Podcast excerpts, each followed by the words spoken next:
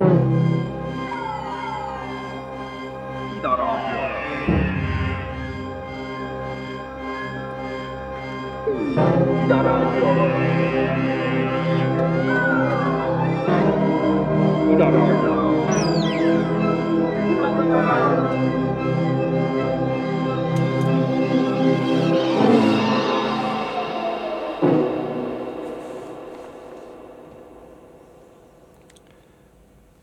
tervist, kallid raadiokuulajad, te kuulete saadet Rõhk. ja ma ei tea, mis kellaaeg teil täpselt on, meil siin on kaheksa kolmkümmend ja kuupäev on kuues mai, seega kui vahepeal juhtub midagi äh, relevantset, siis ärge pahaks pange, et me sellest ei tea veel äh,. Jah, igatahes oleme siis äh, oma äh, lumehelbekeste pahed äh, ületanud ja varahommikul üles ärganud, mul täna saates on külas äh, riigiteaduste tudeng Laura Vilbiks tere! ja ajaloolane Aro Velmet. tere hommikust! aitäh, et te tulite ja äh, tänase saate teema on äh, liberalism. ja ilmselt kulub äh, suur hulk energiat puhtalt selle mõiste defineerimisele, sest et ainsad hägusama tähendusega sõnad on ilmselt äh, noh, nats ja armastus äh,. ise olen kuulnud, äh, kuidas liberaalideks nimetatakse kõike alates äh, noh, Mart Laarist ja lõpetades mingite Briti ülikoolide kommunistlike noorteühenduste liikmetega. kui me nüüd teiega siin hiljuti rääkisime ja ma küsisin teilt, et kas te ise olete liberaalid, kas te identifitseerite ennast niimoodi, siis noh, te vaatasite mulle natuke nagu kohkunult otsa ja siis noh, küsisite, et, et mida ma siis selle all mõtlen. ja siit siis nagu esimene küsimus, et kas kõige selle taustal me võime üldse rääkida liberalismist või peaksime hoopis rääkima liberalismidest mitmuses? pigem jah, mitmuses, sest et äh, see kõik algas äh, suhteliselt äh, ühtsest klassikalisest liberalismist, aga see on läinud nii mitmeks erinevaks vooluks, et mis on tihti väga vastandlikud nii et väga raske on öelda, et on üks ja ainus. aga, aga mida tähendab siis see klassikaline liberalism? No äh, mina võib-olla mõtleks äh, liberalismist nagu mingisugusest äh, puust, kus sul on selline suur ühine juur, mida on küll võimalik identifitseerida, aga siis äh, liberalismi rohkem kui kahesaja aastase ajalooksu, ajaloo jooksul on see puu võrsunud ja laienenud ja siia on tekkinud uued, uued oksad ja uued võrad ja need võrad võivad ise olla ka teinekord nagu nii suured, et kui sa seda äh, nagu piisavalt kaugelt ei vaata, siis nad tunduvad äh, nagu omaette puud, nii et selles mõttes vastus su küsimusele on jah, et äh, me saame rääkida liberalismist kui sellisest ja me saame rääkida erinevatest liberalismidest. et kui selle äh, tüve juurde tagasi tulla äh,, noh siis võib-olla kõige lihtsam on alustada sellest sõnast, eks ju, mis äh, on jõudnud meieni esialgu ladina keelest äh, läbi prantsuse keele äh, liberale, mis tähendab äh, või liberaal, mis tähendab vabadust, eks ju, või vaba, vaba inimest. Ja, ja see on tegelikult see, mis liberalismi juures peitub, on arusaam, et poliitiline kogukond peaks põhinema äh, vabadusele. Ja äh, siis eeskätt nagu väga spetsiifiliselt äh, individuaalsele vabadusele, üksikisiku vabadusele. Ja et kui tahta mõista äh, kust see idee pärit on, siis me tegelikult peame minema tagasi seitsmeteistkümnendasse sajandisse, kus äh, poliitiline võim oli üles ehitatud jumalikule loomuseadusele, mida kehastas kuningas. ja kuningas sai seda äh, loomuseadust äh, tõlgendada ja rakendada suhteliselt vabalt,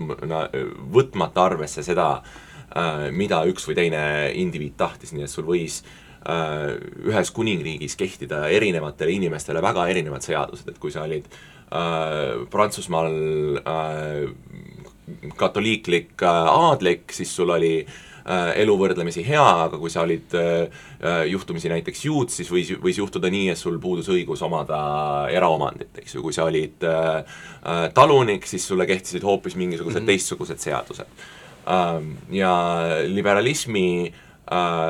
juures ongi vastuseis sellisele äh, liberaalide arvates äh, arbitraarsele eristusele, kus äh, seadus kirjutab erinevatele inimestele erinevad äh, õigused ja kohustused äh,, kirjutab neile ette mingisuguse moraalikoodeksi, mille järgi nad äh, peavad käituma äh,. liberaalid ütlevad, et ei äh,, see peaks olema üksikisiku enda vaba valik äh, et kõiki seaduse silmis peaksid olema inimesed võrdsed ja see, kuidas nad oma igapäevaseid asju ajavad, äh, peaks põhimõtteliselt olema nende endi otsustada, see peaks olema äh, vabadus. aga see jutt, mis sa räägid, see tegelikult muutub ju defineerimisel äh, lausa raskendavaks asjaoluks, sest et kõik need põhimõtted on ju sisuliselt noh, igas tänapäevases äh, demokraatlikus Euroopa riigis olemas. ja isegi kui me räägime mingisugusest vastuseisust liberaalide ja konservatiivide vahel, siis kon-, ka konservatiivid tunnistavad kõike seda, millest sina räägid, eks ju, ma, ma ei kuula väga tihti üleskutseid, et me peaks juutidelt näiteks omandiõiguse ära võtma või või et äh, katoliiklikud aadlikud peaks äh, kuidagi eraldiseisvusesse paik-, noh, kuigi noh, kes teda teab, et võib-olla, võib-olla mõne aja pärast need tekivad, aga aga noh, see, see on äh, väga, väga hea mõte selles mõttes, selles mõttes, et me kaotame aeg-ajalt silmist äh, selle, kui, kui tõesti nagu ju- juurväärtused, liberaalsed väärtused on, et äh, et meil on praegu väga palju inimesi, ma just lugesin äsja äh, Riigikogu spiikri Henn Põlluaasa äh, raamatut Sotsid, interneti teine tulemine, kus ta muuhulgas äh, rõhutab seda, et äh, tema meelest äh, äh, Eesti Vabariik ei ole, on demokraatia, aga ei ole liberaalne demokraatia ja sõna libe, liberaalne ei ole meil kuskil põhiseaduses mainitud. noh, mis on äh, asi, mis on äh, tehniliselt võttes tõsi, aga sisuliselt võttes äh, jaburdus, sest et Eesti äh, selles samas põhiseaduse preambulis, kus räägitakse äh, rahvuse, keele ja kultuuri äh, kaitsmisest läbi aegade, öeldakse ka kohe enne seda, et tegemist on riigiga, mis on äh, rajatud vabadusele, õigusele ja õiglusele, mis on fraas, mis on seal olnud sees põhimõtteliselt tuhande üheksasaja kahekümnenda aasta põhiseadusest saadik äh, ja mis on, et vaieldamatult, kui liberalism üldse midagi tähendab, siis see tähendab täpselt äh, seda, et äh,, et riik on rajatud vabadusele äh, ja õigusele, ehk siis äh, ühtsele seaduslikule korrale, mis kohtleb kõiki äh, inimesi sarnaselt. ja ei, ma, ma olen täiesti nõus ja siinkohal võib-olla jäll- jällegi nagu välja tuua, kui kui me võtame neid kõige hullemaid äh, liberalismi vaenlasi, noh, selles mõttes, et nad ise nimetavad ennast äh, inimesteks, kes nagu liberalismi vastu võitlevad, kas või mingi Varro Vooglaid, eks ju, see jutt, mis ta räägib, on see, et perekond on näiteks põhiseaduse poolt kaitstud, eks ja me peaks seda põhiseadust järgima, noh, üldiselt kogu see raamistik, mis on üles ehitatud, me põhiliselt võime seda ju liberaalseks nimetada, kui meil on olemas äh, kindlad seadused, mis äh, äh, reguleerivad riigi elu ja mida me peame järgima ilma selleta, et keegi seal, sinna nagu meelevaldselt sekkuks. Äh, jaa, see on tõesti niivõrd ilmne, et me nagu ei mõtle sellele igapäevaselt. Aga, aga ikkagi sealt tulevad need, nüüd, nüüd tulevad erinevad sõnad sisse, et räägitakse klassikalisest liberalismist, räägitakse sotsiaalsest liberalismist äh,, neoliberalismist ja noh, mingisugune eristus on ju ikkagi sees ja ma, ja ma olen näinud äh, viimasel ajal, et väga suur debatt käibki just võib-olla viimasel ajal nende klassikaliste liberaalide ja sotsiaalsete liberaalide vahel, et äh, seal on see nagu põhiline lõhe ehk. Äh, mida need sõnad ikkagi tähendavad ja, ja kuidas neid tuleks nagu mõista? No klassikaline liberalism, vabadus on üks põhimõiste seal, ehk siis aga seal keskendutakse just eelkõige sellele, et inimene oleks puutumatu, et tema, et talle ei seataks ühtegi piirangut väljaspoolt. aga siis sotsiaalne liberalism võtab juurde ka positiivse vabaduse mõiste, mis ütleb seda, et et tegelikult see, kui sul lihtsalt piiranguid ei ole, see tegelikult ei tähenda, see ei pruugi tähendada alati, et sa oled täiesti vaba, kuna sul ikkagi on piirangud tulenevad sellest, kuhu sa sünnid, millisesse äh, perekonda, millised on majanduslikud võimalused ja kõik muu, et tegelikult on inimesi, kes vajavad ikkagi ka, ka lisaabi selleks, et äh, nii-öelda neil on vaja äh, abi selleks, et nad saaksid iseennast aidata, et nad ei saa nagu automaatselt kohe ähm, olla kõigiga võrdsel tasemel ja siis äh, sotsiaalliberalism annab sellele lisaks selle mõõtme, et noh, näiteks vaesemaid, vaesematel inimestel peaks olema rohkem sotsiaalset äh, garantiisid ja rohkem äh, riigipoolset abi. Aga klassikaline liberalism on siis äh,, seab riigile niivõrd minimaalse rolli, kui üldse on võimalik äh, seada selle eesmärgiga, et see just ei sekkuks siis inimellu ja et inimesel oleks vabadus siin on jah vist äh, hea eristada neid termineid negatiivne vabadus ja mm -hmm. positiivne vabadus ja, ja negatiivne vabadus, mis on see, mida rõhutavad klassikalised liberaalid, ongi siis äh, ühelt poolt äh, vabadus äh, nii-öelda nagu põhjendamatu riigi türannia eest, et riik ei tohiks sekkuda sinu kui indiviidi ellu äh, üleliigsel määral ja siis teisalt vabadus äh, teiste inimeste äh, põhjendamatu sekkumise eest äh, sinu ellu, et, et, et see on see äh, äh, noh, selline kõne, kõnekäänd, eks ju, et sinu vabadus äh, äh, tegutseda nii, nagu sa soovid, lõpeb seal, kus sinu rusikas kohtub minu näoga, eks ju. ja siis positiivne vabadus, seda on võib-olla kõige paremini kirjeldanud õigusfilosoof John Rawls, ongi siis vabadus või õigemini võimekus millegi tegemiseks. Ja tema rõhutab seda, et, et me ei saa tegelikult mõelda äh, ühiskonnast äh, või, või liberaalsest riigist kui riigist, mis äh, nii-öelda tegutseb äh, staadioni stardipaugujoone juures ja siis astub tagasi ja laseb lihtsalt äh, asjadel omamoodi lahti rulluda, sest et erinevalt äh, näiteks äh, saja meetri jooksust, siis see staadion, millel üks ühiskond jookseb, on hästi-hästi pikk ja ta on tegelikult põlvkondade ülene äh,. ja tegelikult juba selle stardipaugu joonel inimesed ei alusta äh, ühelt ja samalt punktilt, sellepärast et on olemas ajalugu ja Äh, ja on olemas äh, ajalooline mälu, on olemas äh, rahvuslikud või soolised või rassilised stereotüübid, vanad vimmad, eks ju, mis kõik kujundavad seda, kuidas inimeste omavahelised suhted äh, muutuvad isegi siis äh,, kui riigipoolsed piirangud äh, on minimaalsed või riik on omalt poolt nagu loonud sellise nii-öelda äh, võrdse mänguvälja ja, ja lisaks sellele, eks ju äh, mingil hetkel inimesed surevad ära ja uued põlvkonnad tulevad peale. aga need uued põlvkonnad, eks ju, pärivad oma vanematelt mingisugused äh,, äh mingisugused vahendid, äh, hariduse äh,, kodused väärtused ja, ja, ja nii edasi ja nii edasi, eks ju äh,. ja, ja siis tekib küsimus, et, et miks nemad peaksid äh, alustama siis sellest kohast, kuhu nende vanemad on jõudnud selleks hetkeks joosta mm ja, ja John Rawls siis teeb ettepaneku, et tegelikult me peaksime mõtlema Äh, noh, tal on terve hunnik printsiipe, kuidas me peaksime sotsiaalsete liberaalidena mõtlema, et mis alustel siis seda äh, mänguvälja uuesti tasandada, äh, et iga põlvkond saaks ikkagi võistelda teistega samas ühiskonnas eksisteerivate inimestega võrdsetel alustel. aga jah, et see on see põhimõtteline eristus ilmselt kui me räägime klassikalisest liberalismist, siis noh, see sündis vastuseisuna absolutistlikule korrale, feodaalkorrale äh, ja põhimõtteliselt seda kritiseerit-, kritiseeritakse samadelt alustelt, nagu varem libe-, libera-, liberaalselt äh, inimesed siis kritiseerisid seda feodaalkorda, kuna ka liberalism ikkagi täielikult ei lahenda seda probleemi, et seal siiski noh, ei alusta inimesed võrdselt tasandilt kõik. et see on ka nii-öelda sotsialistlikuma vaatega inimesed kritiseerivad liberalismi samadel alustel, nagu kunagi liberalism kritiseeris eelnevat korda. see ongi ilmselt praegu see kõige suurem debati koht, ähm, Hardo Pajala kirjutaks näiteks sellise lause,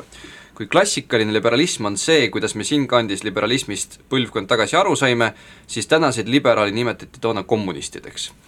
ja noh, see on, see on niisugune üsna äh, võib-olla radikaalne väide, aga noh, ta üsna hästi illustreerib äh, seda lõhet, mis on võib-olla tekkimas või mis on juba tükk aega tagasi tekkinud. Ka, mis määral me saame tegeleda positiivsete vabaduste tagamisega enne seda, kui see muutub mingiks muuks ideoloogiaks, kui kaua saab veel mingit projekti liberaalseks nimetada, eks ole. ja noh, Hardo Pajal ei ole kindlasti ainuke inimene, kes on äh, seda ideed välja öelnud äh,, hiljuti vaatasin äh, Dave Rubini videot, tema on siis populaarne USA saatejuht ja intervjueerija ja video pealkiri Why I left left, eks ole, ja noh, üldiselt juba see, et ta räägib liberaalidest kui vasakpoolsetest mm, -hmm. see ei ole nagu iseenesestmõistetav, eks ju, kas siin on jah, niisugune tegelikult üks eristus, mille võib veel tuua, et Ameerikas on äh, tihti, pannakse samasse patta liberaalid ja vasakpoolsed mm, -hmm. et seal on nagu, liberaalsuses on hästi suur dimensioon just seda sotsiaalset õiglust ja inimõiguste inimõiguste laiendamist, inimõiguste kesksust, aga Eestis on, vähemalt varasemalt, äh, on liberaalsust määratletud pigem just parempoolsema, kuna see on just keskendunud sellele äh, vabadustele ja turu, turu, vabadele turumajandusele äh, olnud selline reformierakondlik kontseptsioon, aga nüüd ta on, kuna meil on üha enam nagu globaliseeruv ja me loeme kogu aeg Ameerika meediat, siis on meile ka tulnud see, see arusaam nüüd, mida viimasel ajal kasutavad vasakpoolsete kriitikad, et nimetavad ka liberaalideks äh, vasakpoolseid, nii et meil on nagu väga suur segadus. Jah, kõik pannakse ühte patta. Jah, siin tegelikult on äh, erinevused äh, olemas küll, et ma arvan, et äh, et nii praegused kui ka üheksateistkümnenda sajandi kommunistid või siis ütleme isegi nagu laiemalt vasakpoolsed, ütleme sotsialistid samamoodi tun-, tunneksid ennast mõnevõrra puudutatuna sellest Hardo Pajala kommentaarist ja, ja, ja USA-s samamoodi natukene seda eks ju, ma olen suurema või noh, praktiliselt kogu oma täiskasvanu elu USA-s elanud Äh, et, et ka seal tegelikult see lõhe äh, nii-öelda siis Ameerika liberaalide ja Ameerika vasakpoolsete vahel on, on teinekord suuremgi ja valusamgi kui äh, liberaalide ja konservatiivide vahel, et kui, kui tahta nagu äh, tuua välja seda, seda erinevust, äh, mille poolest siis erineb näiteks sotsiaalne liberalism vasakpoolsusest, siis võib-olla siin keskne ongi see individualismi küsimus et kas, et, et liberaalide jaoks, isegi kui nad on sotsiaalsed liberaalid, on ikkagi äh, keskne äh, kategooria on see üksikisik äh,. ja see arusaam, et äh, et lõppkokkuvõttes äh, üksikisiku vabadus on see, mida ühiskond peaks maksimeerima ja me peaksime mõtlema ühiskonnast kui erinevate üksikisikute kogumist, kes teevad äh, omi asju ja see, kuidas nad omavahel suhestuvad, see nagu lõppkokkuvõttes on nende endi asi. et see ei ole kuidagi nagu äh, mingi suur ühiskondlik probleem, et meil on mingisugused küsimused, mida me tõesti peame lahendama kollektiivselt, mis puudutavad selle ühtse mänguvälja paikapanemist, aga sealt edasi äh, meil ei ole, ei ole mingit põhjust, miks me peaksime äh, ühendama kuidagi seda riiki ja siis seda äh, inimeste omavahelist suhtlemist ja, ja siin ütleme, äh, vasakpoolsed äh, sotsialistid ütlevad, et see on põhimõtteliselt vildakas arusaamine sellest, kuidas maailm toimib ja kuidas äh, inimesed maailmas toimivad, et me ei, me ei eksisteeri maailmas selliste atomiseeritud indiviididena kes, äh, kelle, kellel on mingisugused arusaamad, mis on nende hea elu ja siis nad üritavad seda asja ajada ja siis kuidagi nagu pragmaatiliselt suhestuvad äh, teistega, vaid et me olemegi olemuslikult sotsiaalsed. see kui, mida me saame maailmas teha, sõltub sellest, äh, kes oled sina, mida sina teed, kuidas me omavahel suhestume, kuidas me oleme ehitanud üles koos mingisugused institutsioonid, ähm, noh, nagu maksusüsteem või, äh, või ettevõtted, ähm, kuida-, kuidas need kujundavad meid kui inimesi, et meil on võimalik kujutada ette ühiskonda, ähm, kus tõepoolest inimesed konkureerivad omavahel Äh, ja parem äh, inimene võidab äh, ja see on üks maailm, aga see, selles ei ole mitte midagi loomupärast, et me just peame sellises maailmas elama, et me võime kujutada ette ka maailma, kus on olemas institutsioonid ja, ja tavad, mis toovad meid inimestena kokku, mis aitavad meil näha üksteist sõprade ja üksteise võimestajatena ja see on hoopis teistsugune maailm. ja, ja mõistmata äh, seda, et äh, need institutsioonid, mis me ehitame ja see, kes me inimestena oleme, on vääramatult üksteisega seotud äh,, ei ei, ei ole meil ka mingisugust äh, lootust õiglasemas ja, ja võrdsemas ühiskonnas äh, elada ja et see on see fundamentaalne asi, mida liberaalid ei mõista. et see oleks nagu selline vasakpoolne kriitika mm. -hmm. nii et kui ütleme, sotsiaalsed äh, liberaalid äh, leiavad, et jah, et me peame mingisuguseid inimesi äh, ülespoole upitama ja, ja muudkui nagu tasandama seda äh,, seda mänguvälja, kus nad siis saavad üksteisega jälle võidu jooksma hakata äh,, Äh, siis sotsialistide vastus oleks sellele, et ei, ei, ei, meil on vaja palju struktuursemaid muutusi, meil on vaja äh, vastupidi, meil on vaja nagu lammutada see staadion äh, ja ehitada mingisugune teistsugune pinnas, mis ei meenuta üldse võidujooksurada. Mis on rohkem võib-olla nagu mingi tantsusaal, kus see, kui hästi sul läheb, sõltub sellest, kui hästi sa õpid ära teiste inimestega koos liikumise et, et see on see eristus. ja me jõuame peagi lobsterite jutuni, et et, et kõik inimesed ei saa tantsida, vaata siis me oleme nagu lobsterid ja siis äh, me paratamatult tekitame hierarhia. selline atomistlik arusaam viib ka selleni, nagu Thatcher ütles, et, et ei olegi ühiskonda olemas, on ainult äh, üksikindiviidid ja pered ja et nagu noh, sellist üldist nagu struktuuri ei olegi olemas, aga see kui niimoodi mõelda, siis see viib ikka ühel hetkel suhteliselt rappast, et noh, siis ei saa üldse nagu analüüsida erinevaid ühiskondlikke tendentse, ei saa nagu vaadata, kuidas ebaõiglus tekib ja kuidas ta nagu erinevates identite-, identiteetidega on seotud, siis sa ei saa ka seda ebaõiglust nagu ravida nii-öelda, kui kui me vaatamegi, et igaüks on ainult enda eest väljas. Jah, aga võib-olla tuleks nüüd korraks Aro jutu alguse juurde tagasi ja siis sa ütlesid, et mis eristab siis vasakpoolseid ja sotsiaalseid liberaale, on see, et sotsiaalsed liberaalid ikkagi jätavad nagu inimese sinnapaika ja arvavad, et riik nagu ei peaks liiga palju tema, tema ellu sekkuma, aga kui vaadata neid suuri debatte ja kas või seda Dave Rubini videot, tema etteheited, mis ta seal tegi, eks, need ei käinud ju tegelikult riigi kohta, et üldiselt äh, räägitakse mingisugustest sotsiaalsetest normidest, mis kujunevad äh, iseenesest ja mingisugusest noh, ma ei tea, kas eakaaslaste survest või kuidas me seda peaks nimetama, äh, kus, mis, mis, mis heatahtlikult võiks ka öelda muidugi, et ühiskondlikust arutelust. võib, võib öelda ka ühiskondlikust arutelust jah, tähendab, et oleneb, mis perspektiivist seda, seda vaadata. ja mis, mis tema siis ette heidab, on see, et kaasaegsed liberaalid tema sõnul on äh, läinud eemale nendest algsetest äh, individualismi ja vabaduse põhimõtetest ning äh, sisuliselt äh, on jõudnud mingisuguse niisuguse tribalismi juurde, eks ole, et igalühel on oma kogukond ja siis me arutamegi asju puhtalt kogukonnapõhiselt, puhtalt identiteedipõhiselt Äh, kui äh, keegi ütleb midagi solvavat, siis tal ei lasta ülikoolis kõnelda, noh, ja kõik need teised etteheited, mida on ilmselt meedias nagu palju olnud.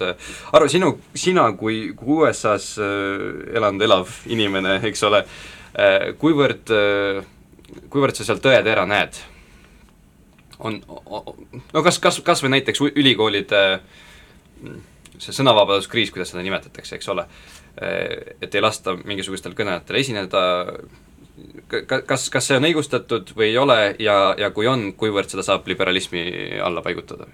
nojah, äh, selles mõttes, et minu äh, koduülikooli, Lõuna-California ülikooli campusel eelmine semester käis kas või äkki Sam Harris äh, kõnelemas ja sinna läks väga palju inimesi,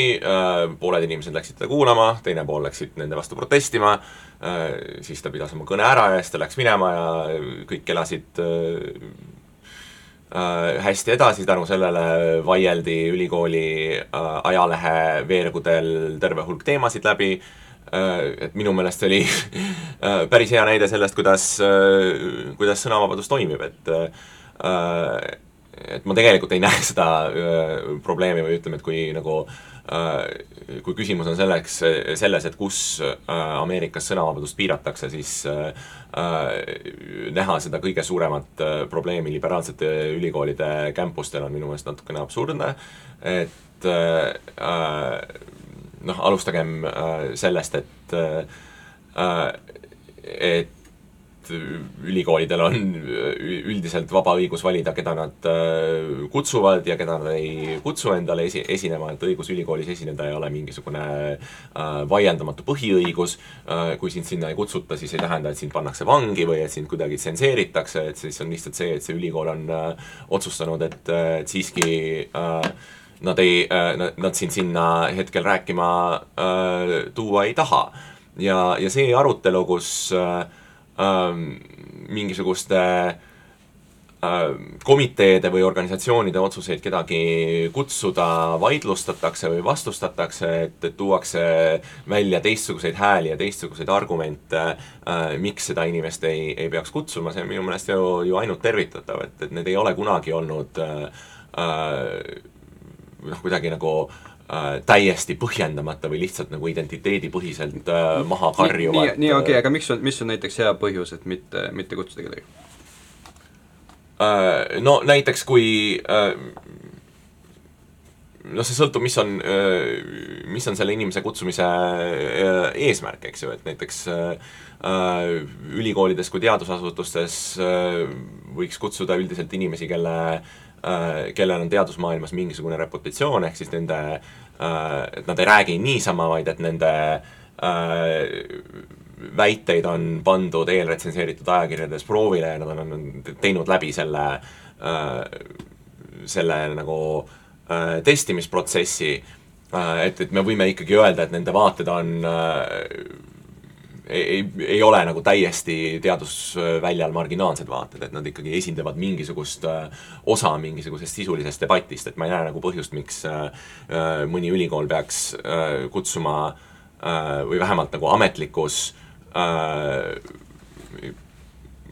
mi-, mi-, mingisuguses ametlikus vormis kutsuma endale esinema näiteks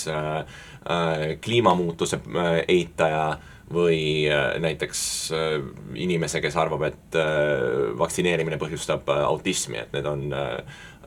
kaks küsimust, kus on väga laiapõhjaline teaduslik konsensus, et, et need väited on põhimõtteliselt nagu korduvalt ümber lükatud, põhjalikult ümber lükatud ja, ja sellistele vaadetele ülikooli legitimi-, legitimatsiooni anda minu meelest ei ole mõtet, et teine asi on, kui äh, nad on näiteks osutunud poliitiliselt kõnekateks ja, ja, ja eesmärk on tutvuda nende vaadetega ja panna neid äh, debatis proovile, siis on loomulikult äh, olukord teistsugune, et siis on jällegi meie huvid huvides olla sel-, nende vaadetega tuttav äh, ja äh, allutada neid samasugustele mõtestatud arutelu äh, testidele nagu ka teistsuguseid vaateid mm. -hmm. ma lihtsalt mõtlen selle peale, et äh, need inimesed, kes on äh, heitnud ette, et neid, neid, neid ei lasta, neil ei lasta kõnelda või äh, korraldatakse mingisugust nii massilist protesti, et lihtsalt ei ole enam turvaline sinna minna Äh, me ei räägi ju praegu Alex Jones'ist või mingitest, mingitest sellistest äh, noh,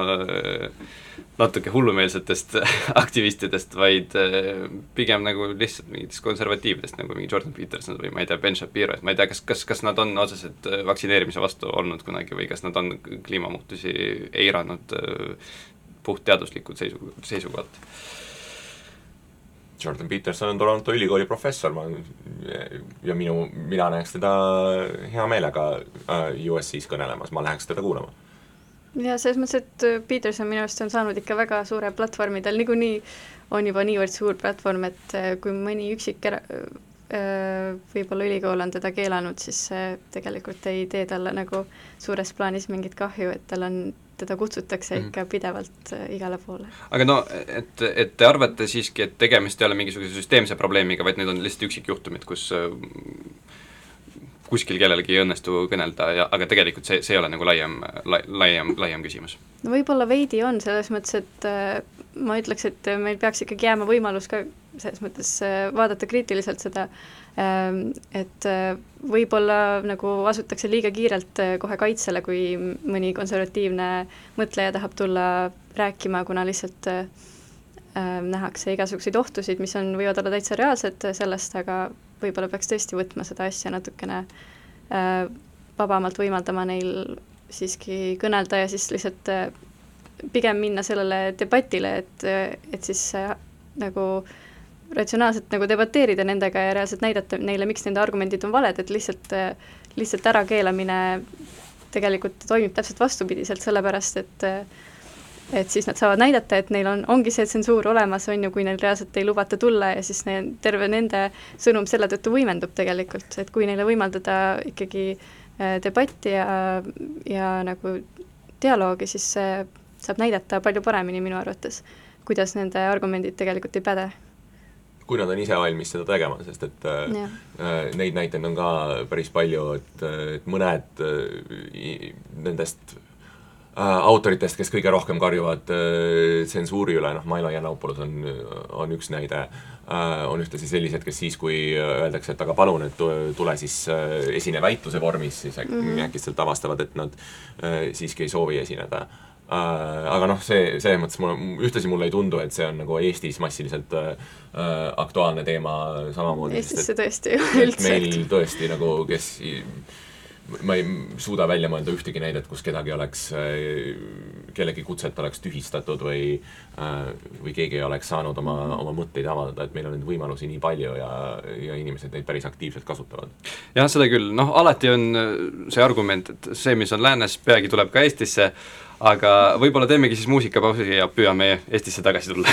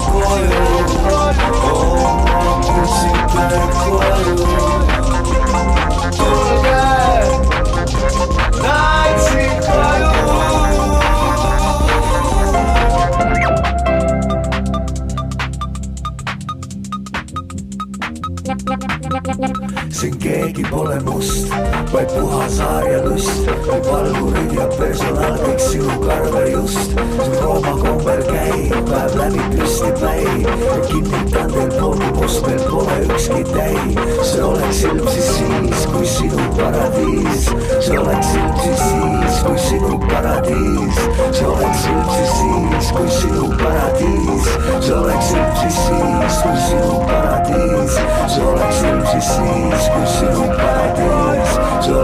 siis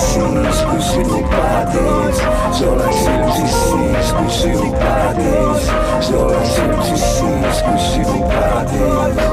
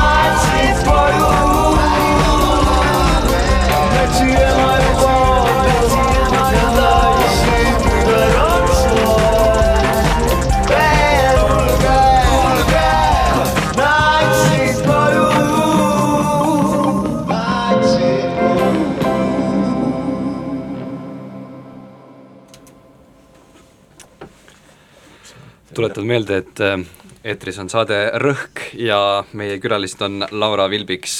riigiteaduste ture- tudeng ning Aro Velmet, ajaloolane. Me rääkisime siin põgusalt äh, juba sellest äh, identiteedi ja liberalismi vastuolust, võib-olla mingil määral ka sõnavabaduse reguleerimisest. ja mulle tundub, et siin me jõuamegi tasapisi võib-olla selle liberalismi nagu põhivastuoluni või, või võib öelda põhiküsimuseni, sest et äh,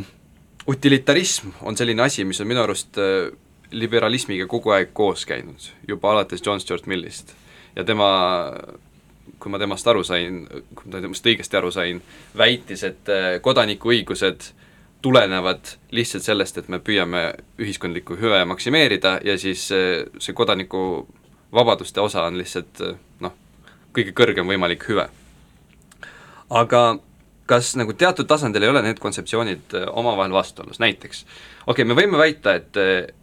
noh, me ei oska kõiki asju ette ennustada, me ei tea täpselt äh, milleni viiks süstemaatiline kodanikuõiguste rikkumine. aga ütleme, meil on mingisugused isoleeritud juhtumid, näiteks oleme kuskil terroriste kinni püüdnud ja saame neid kuskil salajas piinata, nii et keegi teada ei saa, eks ole. ehk siis avalikult ei mingit mainekahju, ei mingit kodanikuõiguste küsitlemist äh, ja noh, võib-olla see piinamine lõpuks toob mingisugust hüvesid juurde, et alanejad annavad mingi saladused välja, mis äh, lõpuks aitavad inimelusid päästa. Kas sellises olukorras äh, ei satu kogu see süsteem nagu ohtu, et kas, kas siis äh, jääb üldse nendest õigustest nagu midagi alles, kui me saame neid niimoodi nagu rikkuda? mm, ma arvan, et siinkohal ongi oluline, et me ei lähtuks sada protsenti ainult utilitarismist, vaid seal kõrval oleks ka mingisugune väärtuseetika ja mingisugune selline universaalne printsiip, mille järgi me kohtleme inimesi ka siis, kui me oleme üksi ja siis, kui meil ei ole välist eh, vaatlejat, kes meid kohustaks millekski. aga see ongi see võib-olla jah, probleem mm, liberalismis ka siin võib-olla äh, tuleks välja tuua see, miks äh,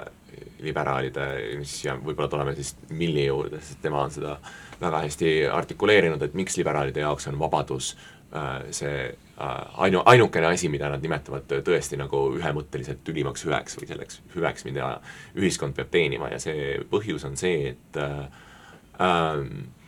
et äh, vabadus on äh, oma olemuselt neutraalne, ta ei, ta ei eelda, et me teame ette, mis asi on äh, ühiskondlik hüve, vaid ta on vastupidi äh, selline nagu äh, tühi maa, mis võimaldab inimestel äh, katse-eksituse meetodil äh, saada teada, mis asi on nende jaoks äh, see üle, ülim hüve. Ja, ja siin on hästi oluline see, et äh,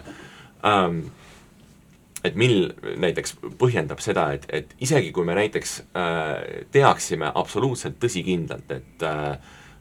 et ma ei tea, et äh, et traditsiooniline perekond on, et heteroseksuaalne perekond on kõige parem äh, perekonna äh, eluviis või et, et jah, et piinamise kaudu on inimestelt võimalik äh, äh, informatsiooni kätte saada, kui me puhtalt hüpoteetiliselt kujutame ette, et meil oleks see tõsikindel teadmine olemas, isegi siis oleks sellele teadmisele riikliku sunni rakendamine äh, vale, sellepärast et ähm, ükski teadmine äh,, mida sunnitakse äh,, mida sunnitakse, tekitab juurde selle äh, ebakindluse, et me ei ole ise läbi mõtestanud seda, et see on äh,, et see on tõepoolest see õige teadmine. Selleks, et me saaksime sisuliselt öelda, et üks või teine asi on parem kui mingi teine asi, peab meil olema, peab meil olemas olema see vabadus neid kahte asja võrrelda, kui me, kui meid, kui meid pannakse sundvaliku ette,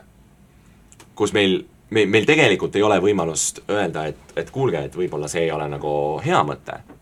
siis me, me, siis me ei tunneta ise, meil ei ole põhimõtteliselt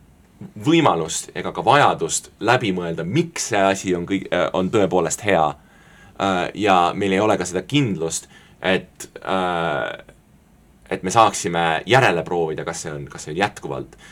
kõige parem variant, et, et see, kui me hakkame asetama mingisugust konkreetset hüve nii kõrgele, et me hakkame seda seaduse ja vägivalla jõuga rakendama,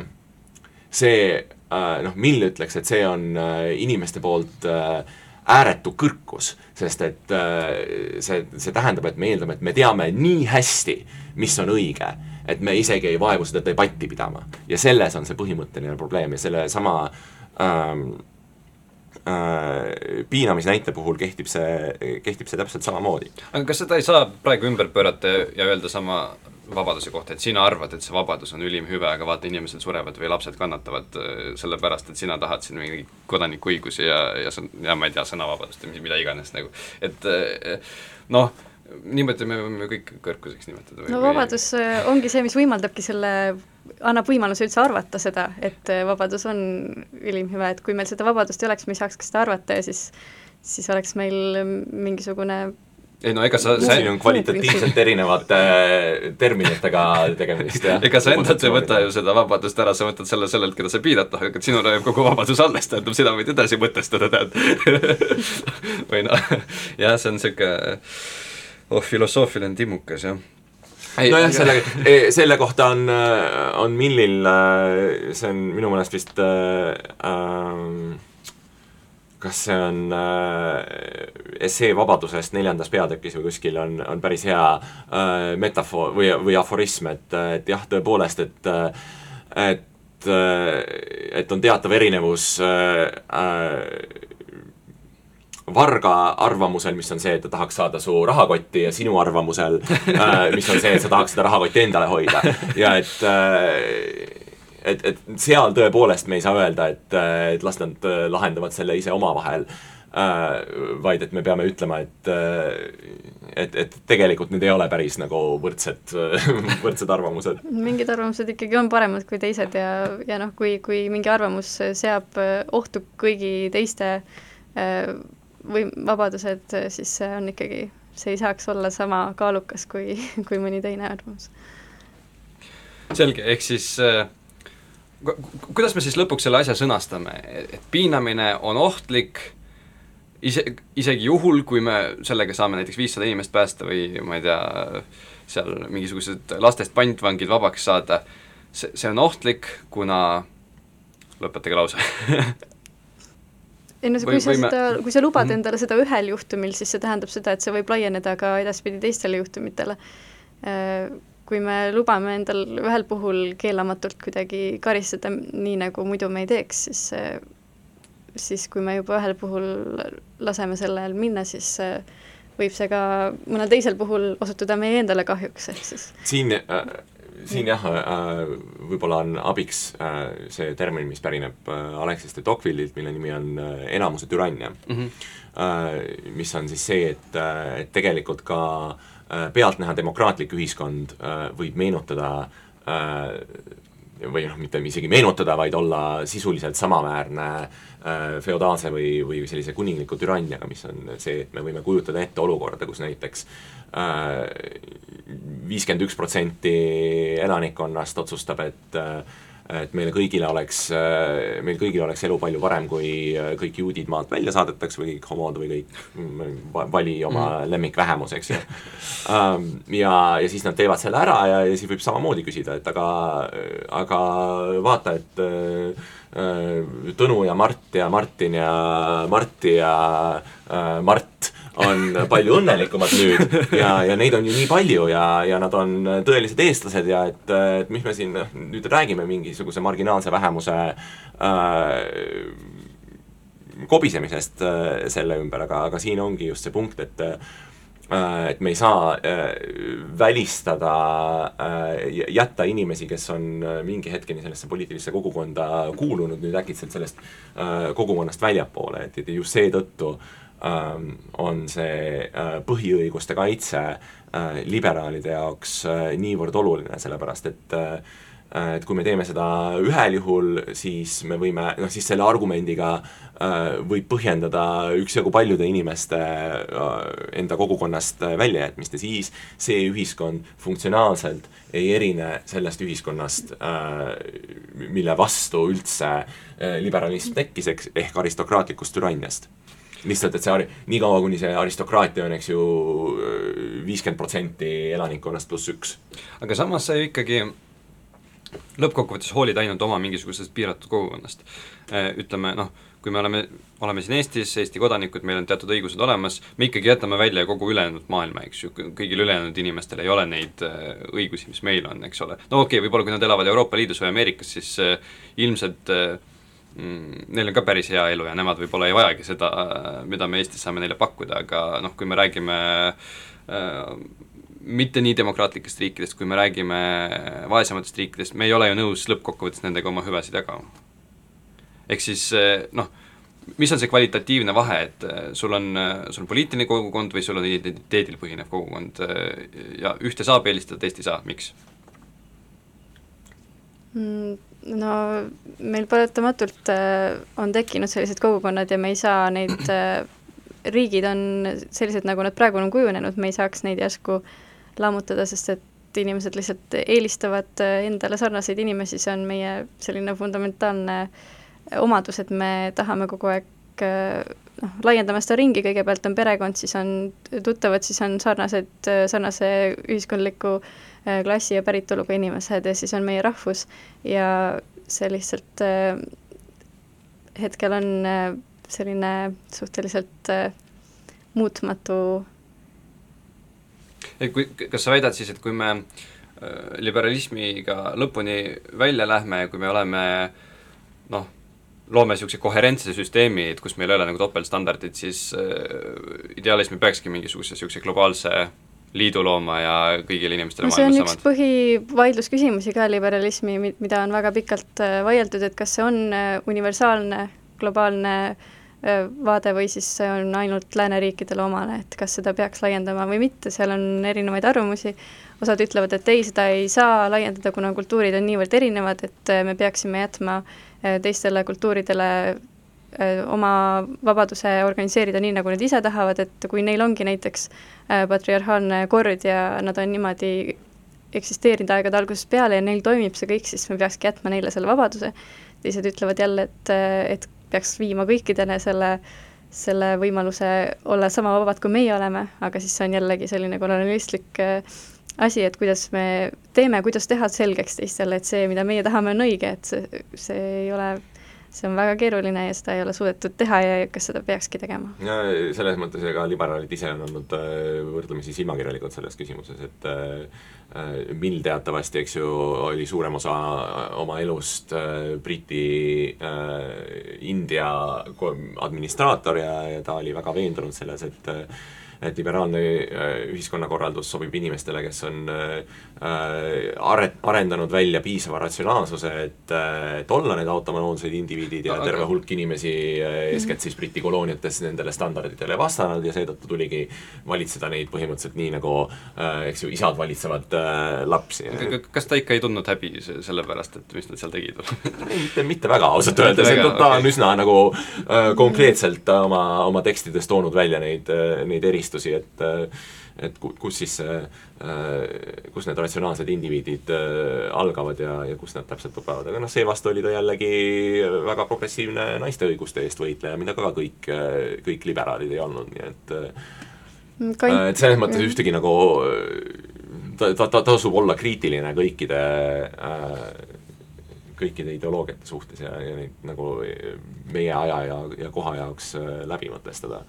teine filosoof Kant unistas ka igavesest rahust, aga, aga ta siiski nagu ei näinud sellena sellist maailmavalitsust, on ju, mis kontrolliks kõike maailmas, vaid ta nägi sellist föderatsiooni,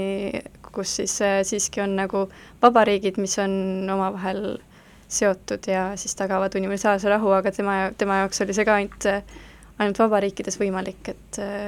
et noh, et tema nägi, et see on nagu, ongi lineaarne joon, et kõik, kõik liigubki sinnapoole, et äh, ühel hetkel me elamegi maailmas, kus kõik on sellised äh, vabariigid ja kus valitsebki rahu, aga see väga vist ei, ei olnud äh, sellest glo globaliseerumise teemast tahaks lausa eraldi saate teha, et kahjuks me vist väga, väga kaua ei jõua siin sellest rääkida, aga äh, siin sai mainitud naiste õigused ja tulles tagasi utilitarismi ja selle üksikisiku vabaduste küsimuste juurde Äh, mulle meenub üks äh, huvitav arutelu sellises kommuunis nagu Virgi-, Virginia Woolf sind ei karda ja äh, see oli siis seotud sellise USA poliitikuga nagu Roy Moore. ja noh, mis talle siis ette heideti, või noh, ilmselt vastab ka tõele nüüd viimase aja jooksul selgunud asjaolude tõttu, on see, et noh, ta oli siis ahistaja, oli ahistanud mitu noort naist, kuid äh, tollal, kui see teema üles kerkis, äh, ei olnud veel nii palju nagu materjale õhus ja ai-, ainus asi, mis oli, olid need süüdistused. Ähm, ja siis üks äh, kommuuni liige ähm, avaldas noh, väga niisugust äh, tugevat protesti selle vastu, et Roy Moore püüdis tollal ennast kaitsta ja eirata seda, mis, mida tema vastu, vastu öeldi. mina rumala valge mehena, nagu ma olen, küsisin, et, et miks noh, miks te nii pahased olete selle peale, okei okay,, ma saan, ma saan aru, et on kindlad etteheited, aga kust me saame juba sadaprotsendilise kindlusega vaadata teda kui süüdlast. ja tegelikult äh, see argument, mis ma, mis ma vastu sain, oli minu arust väga loogiline. Äh, esiteks äh, noh, me rääkisime natuke süüt-, süütuse presumptsioonist, seal toodi välja, et süütuse presumptsioon on ainult inimese ja riigi suhetes ja me ei peaks seda äh, kuidagi ühiskondlikul tasandil tõsiselt võtma. Ja teiselt poolt äh, oli see väide, et äh, ahistamissüüdistused on väga-väga haruldased. Äh,, siin võib ka täpsemat statistikat välja tuua, et üldse kõikidest nagu sellistest äh, kuritegudest ainult kakskümmend kolm protsenti USA-s siis. äh,, ainult kakskümmend kolm protsenti saavad äh, politseile edastatud. ja äh, palju tõenäolisem on see, et mees on ikkagi süüdi, kui see, et naine val-, valetab. ja nüüd antud äh, situatsioonis kas äh, meil on ikka endiselt mõistlik eeldada, et äh, see inimene, keda süüdistatakse, on süütu või äkki peaks hoopis seda pea peale pöörama ja siis äh, las ta ise siis tõestab enda süütust, kui see, tema süüdi olemine on palju tõenäolisem. Laura, mis, mis, mis sa arvad? no see, mina ütleks, et ei, et see ikkagi peaks niimoodi jääma äh,. muidugi äh, konkreetsel juhul, kui me vaatame ahistamist, siis on meil tõesti nii, et meil on üli-ülivähe neid süüdistusi, mis on tõesti äh, valed ja mis on tehtud lihtsalt äh, mingi ma-, tahtes mainet kahjustada või midagi sellist. aga, aga kui me juba lubame sellisel ühel juhul järsku pöörame asja täiesti tagurpidi, nii et inimene peab ise oma süütust tõestama, siis esiteks noh, see on juba kohtuliselt noh, kohtuprotsessis see on suhteliselt nagu absurdne asi, mida teha, see lihtsalt ei toimiks eriti ähm,. aga üldiselt see tähendab seda, et see võib äh, kanduda üle siis ka teistesse valdkondadesse, et teistes valdkondades ei see pruugi nii kindel olla äh,. ja noh, ikkagi siiski, kui sa ei saa nagu äh, tõestada seda, et sa ei ole süütu, see on kordades keerulisem kui tõestada see, et sa oled süüdi. sellepärast, et kui sa pead tõestama negatiivset asja, siis see see nagu, see ei päde, sa pead ikka tõestama positiivselt, et sa oled midagi teinud. aga, aga võib-olla kui ühiskond hooliks sellest probleemist rohkem, siis äh, ka nagu struktuur oleks teine, et kui, kui, kui reaalselt noh, oleks see hirm olemas, inimesed saaks mingi kehakaameraid kanda või midagi sellist, mis, millega hil-, hiljem tõestada, et nad ei olnud süüdi ja lõppkokkuvõttes oli, oleks lihtsalt lihtsam süüdistada neid, kes on päriselt kuritegusid tea, see eeldaks ikka mingi kohutavalt suure struktuuri loomist, mis jälgiks, kuidas sa saaksid kogu aeg jäl-, nagu tõestada seda, kus sa oled, mida teed, see on ikka suhteliselt suur vabaduse kaotus ka või noh, lihtsalt suhteliselt läheb ikkagi inimese vabaduse kallale teha seda, mida ta tahab ja mitte olla noh, et siis, siis me jõuame selleni, et kui see muutus oleks nüüd järsku tehtud ja meil olekski võimalik niimoodi inimesi süüdistada ja siis nad oleksid kohe automaatselt süüdi, kui nad just seda vastupidist ei tõesta, siis noh, siis meil ilmselt tekiks rohkem valesüüdistusi, kui sul on reaalselt võimalik lihtsalt inimesest kahjustada sellega, sul on lihtsalt võimalik tekitada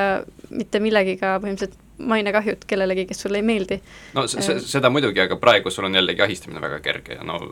selles suhtes mine sa tõesta või kui pra-, praeguses situatsioonis äh, võib ju öelda, et äh, ühiskond lihtsalt hoolib meestest palju rohkem, kui ta hoolib naistest. Ja seetõttu kõik meie kodanikuõigused, kõik meie arusaamad vabadustest on ehitatud niimoodi, et äh, meeste huvisid teenida. No ma arvan, selle muutmiseks on ikkagi veidikene teistsugused protsessid kui järsku see, et et kõik on süüdi, selle muutmiseks on ikkagi vaja ühiskonna arusaamade muutmist, mitte äh, mitte siis nagu kohtuliku protsessi muutmist, sest et äh, noh, see ikkagi lasub meie, meie väärtustes, et, et kui me ei väärtusta, väärtustame meeste sõnu rohkem kui naiste sõnu ja, ja meil on selliste äh, rikaste kuulsate meeste suhtes nagu rohkem usku kui siis nende süüdistajate suhtes, siis no siin on mõned teised Äh, asjad ikkagi, mis on probleemid, ma ei näe, et see kuidagi lahendaks probleemi, see võib-olla tekitaks lihtsalt nii palju muid probleeme juurde, millega, mille peale me ei oska isegi tulla hetkel. Minu meelest äh, Laura tabas siin naelapead, kui ta ütles, et see on eeskätt probleem äh, vabadusele, et et see, kui palju äh, süüdimuse või, või süü, süüdi olemise presumptsioon äh,, ühesõnaga see tekitab selle olukorra, kus sa juba ette ei ole vaba, eks ju, kus sa peadki käima ringi mingisuguse mm -hmm äh, salvestava kaameraga monitoorima oma, oma era, eraelu pide-, pidevalt, et äh, et noh, see äh, põhimõte, et kui äh, juhul, äh, kui me kasutame mingisugust jõudu, mida, mida kohtujõud, riigijõud on selleks, et äh, piirata inimeste põhivabadusi, nagu nende vabadus eraelule ja vabadus liikumisele, mida näiteks vangi saatmine, eks ju on, et siis seda tuleb teha väga-väga kaalukatel äh, alustel ja me peame eeldama äh, inimese süütust, vabadust tegutseda, et ta äh, ja, ja siis tõendama seda, miks me võtame talt põhiõiguseid ära, mitte tõendama seda, aga äh, tegelikult äh, vastates sinu, sinu küsimusele, et mis me siis hakkame pihta sellega, et äh, et meil on nii palju tõenäolisem, et, et mehed on ahistajad ja, ja, ja naised on ahistatavad äh,, et siin on tegelikult ka mehhanisme, mis, mis ei muutu põhiõiguste riiveks, et et tõepoolest nagu ahistamise puhul on tegemist mõneti teistsuguse probleemiga, kui, kui ütleme äh, mingi mur-, murdvarguse või, või, või röövimise puhul, eks ju, et sageli seal on äh, äh,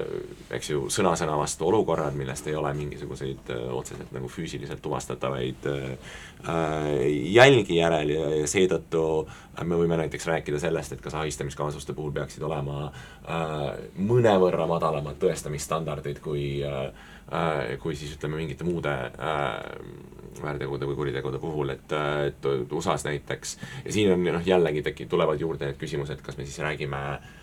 et siis, siis me peame mõtlema ka sellele, et need äh, et need karistused oleksid proportsionaalsed äh, sellega, kui, kui hästi tuvastatud äh, need ahistamiskaasused on, et, et näiteks äh, USA ülikoolides, kus ülikoolid peavad monitoorima sellist seksuaalset väärkohtlemist, vastavalt võrdse kohtlemise, võrdse, võrdset kohtlemist reguleeriva Title Nine haridusministeeriumi ettekirjutusega, siis, siis seal on näiteks põhimõte, et et kui kedagi süüdistatakse ahistamises, siis tema süüd ei tule tõestada mitte beyond a reasonable doubt, ehk siis äh, niimoodi, et, et mitte, et ükski mõistlik inimene enam nendest tõendite tõele vastavuses ei kahtleks, vaid et a preponderance of evidence, mis sisuliselt vist tähendab, et äh, ütleme, et rohkem kui viie prot-, viiekümne protsendine tõenäosus, et see inimene tõepoolest ahistas. aga siis, kuna see tõendusstandard, see tõendusstandard saab olema madalam sellepärast, et et see tagajärg ei ole samamoodi nagu põhiõiguste piiramine, vaid on lihtsalt see, et see äh, inimene, eks ju, eksmatrikuleeritakse ülikoolist ja ta ei saa seal enam edasi õppida äh,. et need, see on, see on kõik selline nagu äh, tasakaalustamise ma lihtsalt tahan öelda, et see, et me, kui me eeldame seda süütust, see ei tähenda, et me kuidagi ohvrit või, või seda süüdistajat äh, kuidagi demoniseerima hakkame või see ei tähenda seda, et tema järsku, et me ei kuul-, et teda piisavalt ei kuulataks, et eesmärk ongi just rohkem kuulata, kõige olulisem on see, et me rohkem kuulaksime ja väärtustaksime seda, mida neil on öelda. et see ei, kuidagi ei lähe vastuollu sellega, et me, me ei hindaks äh, nagu naiste sõnu selles mõttes see on fundamentaalne asi, see on noh, inimõiguste deklaratsioonis ka olemas sees kindel artikkel, et see, see on niivõrd fundamentaalne asi kõikides põhiseadustes olemas, et ma nagu ei näe, kuidas selle vastu saaks minna. aga siit me jõuame siis võib-olla viimase küsimuseni, meil on kaks minutit jäänud, kui liberalism võib-olla keskendub väga palju riigi ja inimese suhete reguleerimisele, seda, kui, räägib sellest, kui palju riik tohib inimese elu mõjutada. aga nüüd ta ei räägi nii, niivõrd palju sellest, kuidas, kuidas ühiskond saab teda mõjutada, kuidas saavad mingisugused mitteriiklikud institutsioonid sekkuda. kas äh, see lõhe ei ole nagu natuke kunstlik siin sees? No paljud liberalismi kriitikud ütleksid, et absoluutselt jah, et see on kogu vasakpoolse liberalismi kriitika kese, eks ju, et, et tegelikult äh, riik kui institutsioon on teiste sotsiaalsete institutsioonidega läbi põimutud, et äh, ta on läbi põimutud majanduse ja ja, ja, ja meie sellise nagu vaimse äh, pealisehitusega, et neid, neid kolme ei ole võimalik üksteisest eraldada, jah okei okay,, aga sellega saab äh, meie ei, mul ei, ma ei oskagi midagi lisada, et see, sellega saab vist meie saade kahjuks otsa, aga tänan teid tulemast, Aro Velmet ja Laura Vilbiks, oli tore teiega vestelda.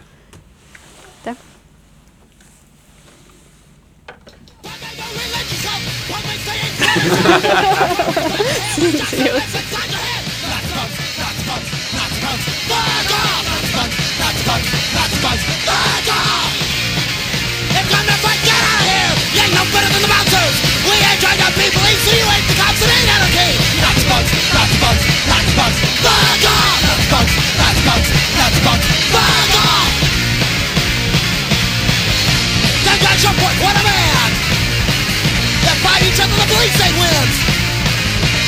your back's on are home.